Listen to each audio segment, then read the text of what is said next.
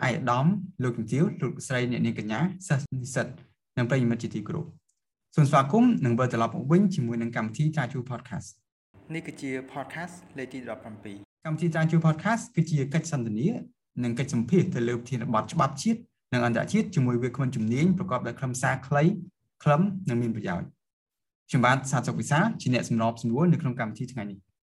នៅក្នុងថ្ងៃនេះកម្មវិធីតាជូ podcast មានកិត្តិយសសូមនាំមកនៅប្រធានបទថ្មីមួយទៀត ស្ដីពីវេទិកាសេដ្ឋកិច្ចនិងធុរកិច្ចអាស៊ីអឺរ៉ុបនៅកម្ពុជាដែលមានការចូលរួមពីវាគ្មិនជំនាញរបស់យើងគឺកញ្ញាអឹមច័ន្ទបរមីសូមជម្រាបផងដែរថាកញ្ញាអឹមច័ន្ទបរមីបច្ចុប្បន្នជាអ្នកស្រាវជ្រាវដំបូងសមាគមស្រាតាជូនិងជាប្រធានការិយាល័យអឺរ៉ុបនៅអគ្គនាយកដ្ឋានពាណិជ្ជកម្មអន្តរជាតិនៅក្រសួងពាណិជ្ជកម្មកញ្ញាអឹមច័ន្ទបរមីសូមជម្រាបសួរបាទចាសូមជម្រាបសួរវិសាលខ្ញុំបាទសូមចាប់ផ្ដើមសំណួរទី1តែម្ដង ថ្មីថ្មីនេះកម្ពុជាបានធ្វើជាប្រធាននៅក្នុងកិច្ចប្រជុំអាស៊ីអឺរ៉ុបលើកទី13ហើយនៅក្នុងនោះកម្ពុជាបានរៀបចំវេទិកាមួយគឺវេទិកាសេដ្ឋកិច្ចនិងធុរកិច្ចអាស៊ីអឺរ៉ុបលើកទី1តើកញ្ញាអាចបញ្យល់បានទេតើអ្វីទៅដែលគេហៅថាជាវេទិកាសេដ្ឋកិច្ចនិងធុរកិច្ចអាស៊ីអឺរ៉ុបនេះបាទចាសូមអរគុណវិសាអឺមុននឹងឈានចូលដល់ការបកស្រាយអំពីវេទិកាសេដ្ឋកិច្ចនិងធុរកិច្ចអាស៊ីអឺរ៉ុបលើកទី1 ដែលជាព្រឹត្តិការណ៍អមួយនៃកិច្ចប្រជុំកម្ពុជាអាស៊ីអឺរ៉ុបលើកទី13និងខ្ញុំសូមជម្រាបជូនអំពីសោដាជាមុនសិនភាពជាដៃគូដែលគេហៅថាកិច្ចប្រជុំកម្ពុជាអាស៊ីអឺរ៉ុបលើកទី13 ASEM គឺត្រូវបានបង្កើតឡើងក្នុងឆ្នាំ1996ក្នុងគោលបំណងដើម្បីដោះស្រាយបញ្ហានយោបាយសេដ្ឋកិច្ចហិរញ្ញវត្ថុសង្គមវប្បធម៌និងការអប់រំដែលនឹងផ្ដល់ផលប្រយោជន៍ជារួមក្នុងស្មារតីគោរពគ្នាទៅវិញទៅមកនិងភាពជាដៃគូស្មើភាពគ្នា បច្ចុប្បន្នប្រទេសសមាជិក ASEM គឺមានចំនួន51ដែលមាន30នៅអឺរ៉ុបនិង21នៅតំបន់អាស៊ីរួមទាំងលេខាធិការដ្ឋានអាស៊ាននិងសហភាពអឺរ៉ុបនៅនេះកម្ពុជាយើងគឺបានក្លាយទៅជាសមាជិកនៃ ASEM នៅក្នុងឆ្នាំ2004បើយោងទៅតាមមូលនិធិអាស៊ីអឺរ៉ុបក្នុងឆ្នាំ2021យើងឃើញថាប្រទេសជាសមាជិក ASEM គឺបានរួមចំណែកប្រមាណ65%នៃសេដ្ឋកិច្ចពិភពលោក55%នៃពាណិជ្ជកម្មពិភពលោក និង75%នៃសកម្មភាពពាក់ព័ន្ធនឹងវិស័យទេសចរពិភពលោកវេទិកាសេដ្ឋកិច្ចនិងធុរកិច្ចអាស៊ីអឺរ៉ុបលើកទី1នេះគឺជាវេទិកាដំបូងដែលបានបញ្ចូលគ្នារវាងវេទិកាសេដ្ឋកិច្ចនិងវេទិកាធុរកិច្ចកន្លងមកគឺវេទិកាទាំងពីរនេះគឺត្រូវបានរៀបចំដាច់ដោយឡែកពីគ្នាអញ្ចឹងវេទិកាសេដ្ឋកិច្ចអាស៊ីអឺរ៉ុបគឺត្រូវបានបង្កើតឡើងក្នុងឆ្នាំ2006រីឯវេទិកាធុរកិច្ចអាស៊ីអឺរ៉ុបគឺត្រូវបានបង្កើតឡើងក្នុងឆ្នាំ1996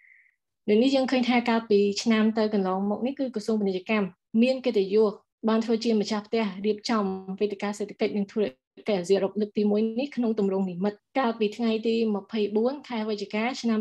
2021ក្រៅមូលបទការផ្លាស់ប្ដូរទៅរកកន្លងប្រកដីភាពថ្មី ការធ្វើអនុភាវូពាណិជ្ជកម្មខ្សែច្រវាក់តម្លៃសកលពហុភាគីនិយមនិងបដិវត្តឧស្សាហកម្មចំនួនទី4ដែលស្របទៅតាមមូលបត់នៃកិច្ចប្រជុំកម្ពុជាអាស៊ីអឺរ៉ុបលើកទី ទី13ការពង្រឹងពហុភាគីនិយមដើម្បីកំណើនរួមគ្នាចាសសូមអរគុណបាទសូមអរគុណចំពោះចម្លើយនេះហើយដោយភ្ជាប់ជាមួយគ្នាដែរដែលហៅថានេះជាលើកទី1ហើយដែលវេទិកានេះត្រូវបានរៀបចំឡើងតើកញ្ញាអាចបញ្ជាក់បានទេថាតើវេទិកានេះត្រូវបានរៀបចំឡើងនៅក្នុងគោលបំណងអ្វីដែរហើយតើការរៀបចំនេះត្រូវបានរៀបចំដោយផ្អែកទៅតាមលិខិតបទដ្ឋានណាមួយដែរបាទចាអរគុណសម្រាប់សំណួរនេះដែរ វេទិកាសេដ្ឋកិច្ចនិងធុរកិច្ចអាស៊ីអឺរ៉ុបលើកទី1នេះគឺយើងត្រូវបានរៀបចំឡើងក្នុងគោលបំណងដើម្បីលើកកម្ពស់ទំនាក់ទំនងពាណិជ្ជកម្មរវាងតំបន់ទាំងពីរអាស៊ីនិងអឺរ៉ុបដើម្បីធ្វើឲ្យមានភាពប្រសើរឡើងនៅកំណើនសេដ្ឋកិច្ចប្រកបដោយបរិយាបន្ននៅតំបន់ទាំងពីរខណៈពេលដែលពិភពលោកយើងនេះកំពុងតែឈានទៅរកបរិបទថ្មីនៃបដិវត្តឧស្សាហកម្មចំនួនទី4និងកំពុងសម្របទៅនឹងទន្លងប្រកបដីភាពថ្មីដែលបានបង្កឡើងដោយជំងឺ Covid-19 វេទិកានេះដែរក៏មានការចូលរួមធ្វើបទបង្ហាញដោយអ្នករៀបចំគោលនយោបាយជាន់ខ្ពស់នាយកប្រតិបត្តិជាន់ខ្ពស់របស់ក្រុមហ៊ុនពាក់ព័ន្ធនានាបញ្ញវន្តនិងសិក្សាស្រាវជ្រាវព្រមទាំងមានការចូលរួមស្ដាប់និងចែករំលែកពីបទពិសោធន៍ចំណេះដឹងនិងឧត្តមមានវត្តល្អល្អពីអ្នកគ្រប់គ្រងពាណិជ្ជកម្មវិនិយោគិននិងធុរជនប្រមាណ400រូបដើម្បីអាចឈានដល់សម្រេចបាននៅគោលដៅ ពិតប្រាកដនៃវេទិកានេះជាក់ស្ដែងយើងឃើញថាទំនាក់ទំនងពាណិជ្ជកម្មរវាងតំបន់អាស៊ីនិងអឺរ៉ុបគឺពោពេញទៅដោយធម្មវ័នដែលបង្ហាញពីសារៈសំខាន់នៃតួនាទីរបស់ប្លុកទាំងពីរនៅក្នុងសេដ្ឋកិច្ចពិភពលោកជាពិសេសគឺការសម្របទៅនឹងបរិបទបដិវត្តឧស្សាហកម្មចំនួនទី4យើងឃើញថាដោយសារតែការរីករាលដាលនៃជំងឺ Covid-19 ស្ទើរតែគ្រប់ប្រទេសទាំងអស់នៅលើពិភពលោកយើងនេះគឺបានជួបប្រទេសអនុភាពផ្នែកសេដ្ឋកិច្ចយ៉ាងខ្លាំងនឹងទទួលរងផលប៉ះពាល់ អឺយ៉ាងធ្ងន់ធ្ងរនៅលើវិស័យនានាវិស័យសំខាន់ផ្សេងផ្សេងអញ្ចឹងយើងឃើញថាយោងតាមប៉ុន្តែយោងតាមរបាយការណ៍ធនាគារពិភពលោកឆ្នាំ2021យើងឃើញថាកំណើនសេដ្ឋកិច្ចពិភពលោកត្រូវបានព្យាករណ៍ថានឹងមានការកើនឡើងប្រមាណ3.8%នៅក្នុងឆ្នាំ2022នេះចឹងយើងឃើញថាជំងឺនេះគឺបានធ្វើឲ្យស្ថានភាពពិភពលោកគឺកាន់តែលំបាកជាងមុនចឹងដើម្បីស្ដារសេដ្ឋកិច្ចឡើងវិញនឹងសម្រេចបាននូវការអភិវឌ្ឍប្រកបដោយចីរភាពនិងបរិយាបន្ន បណ្ដាប្រទេសនៅលើពិភពលោកទាំងអស់គឺត្រូវតែអនុវត្តវិធានការចាំបាច់ជួយដោះស្រាយបញ្ហាប្រឈមថ្មីថ្មីជាច្រើនជាមួយគ្នាដែរយើងឃើញថាពីព្រោះតែជំងឺនេះគឺបានធ្វើឲ្យប៉ះពាល់ដល់ខ្សែច្រវាក់តម្លៃនិងខ្សែច្រវាក់គ្រប់គ្រងសកលដូចនេះទម្រង់នៃប្រតិបត្តិការពាណិជ្ជកម្មថ្មីថ្មីនឹងលេចឡើង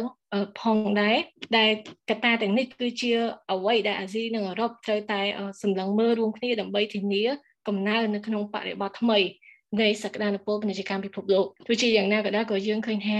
ពហុភាគីនិយមគឺនៅតែមានសារៈសំខាន់ខ្លាំងសម្រាប់តំបន់ទាំងពីរនេះជាពិសេសទូនីតិក្នុងការលើកស្ទួយកំណើនសេដ្ឋកិច្ចនិងការអភិវឌ្ឍសង្គមទីទៀតដែលសំខាន់គឺវិស័យពាណិជ្ជកម្មនិងទេសចរដែលយើងឃើញថាវិស័យទាំងពីរនេះគឺត្រូវបានរំពឹងថានឹងងើបឡើងវិញក្រោយពីការរីករាលដាលនៃជំងឺ Covid-19 ដែលនឹងជួយផ្ដល់នូវឱកាសការងារប្រាក់ចំណូលព្រមទាំងអំណាចទិញរបស់ស្ត្រីផងដែរ វេទិកាសេដ្ឋកិច្ចនិងធុរកិច្ចអាស៊ីអឺរ៉ុបគឺជាវេទិកាដែលបញ្ចូលគ្នារវាងវេទិកាធុរកិច្ចអាស៊ីអឺរ៉ុបនិងវេទិកាសេដ្ឋកិច្ចអាស៊ីអឺរ៉ុបដូចនេះចំពោះវេទិកាធុរកិច្ចអាស៊ីអឺរ៉ុបគឺត្រូវបានសមាជិកទាំងអស់ឯកភាពគ្នាបង្កើតឡើងនៅក្នុងឆ្នាំ1996 តាមរយៈសេចក្តីថ្លែងការណ៍របស់ប្រធានអង្គប្រជុំនៃកិច្ចប្រជុំកម្ពុជាអាស៊ីអឺរ៉ុបលើកទី1ទីក្រុងបាងកកប្រទេសថៃចំពោះវេទិកាសេដ្ឋកិច្ចអាស៊ីអឺរ៉ុបវិញយើងឃើញថាគឺត្រូវបានបង្កើតឡើងក្រោមកិច្ចសហការរវាង6ស្ថាប័នដែលរួមមានមូលនិធិអាស៊ីអឺរ៉ុបសាកលវិទ្យាល័យកូរ៉េសាកលវិទ្យាល័យប៉េកាំង Bruegel ឡាក់និងឡាក់បាទសូមអរគុណវិក្កាមកិត្តិយសរបស់យើងដែលបានឆ្លើយយ៉ាងលម្អិតនៅក្នុងសំណួរនេះ អឺចូលជាមួយគ្នាដែរយើងនិយាយថាវេទិកាសេដ្ឋកិច្ចអាស៊ីអឺរ៉ុបនេះបានផ្ដោតទៅលើផ្នែកច្រើនមែនទេអញ្ចឹងនៅក្នុងឆ្នាំនេះតើវេទិកានេះបានធ្វើឡើងដោយផ្ដោតទៅលើវិធានបទអ្វីសំខាន់ដែរបាទចាអឺសូមអរគុណពាក់ព័ន្ធទៅនឹងវិធានបទយើងឃើញថាមូលបទនៃវេទិកាសេដ្ឋកិច្ចនិងធុរកិច្ចអាស៊ីអឺរ៉ុបគឺការផ្លាស់ប្ដូរទៅរកកន្លងប្រក្តីភាពថ្មីការធ្វើអនុភាវពាណិជ្ជកម្មខ្សែច្រវាក់តម្លៃសកលពហុភាគីនិយមនិងបដិវត្តឧស្សាហកម្មចំនួនទី4 អញ្ចឹងយើងឃើញថានៅក្នុងវេទិកានោះគឺរួមមានបទបង្ហាញរួមមានការធ្វើបទបង្ហាញចំនួន3និងកិច្ចពិភាក្សាចំនួន3អញ្ចឹងអឺសម្រាប់ប្រធានបទដែលត្រូវបានលើកយកមកពិភាក្សាហ្នឹងគឺរួមមានភាពជឿនលឿននៃ digital រូបនីយកម្មជំរុញខ្សែច្រវាក់តម្លៃសកល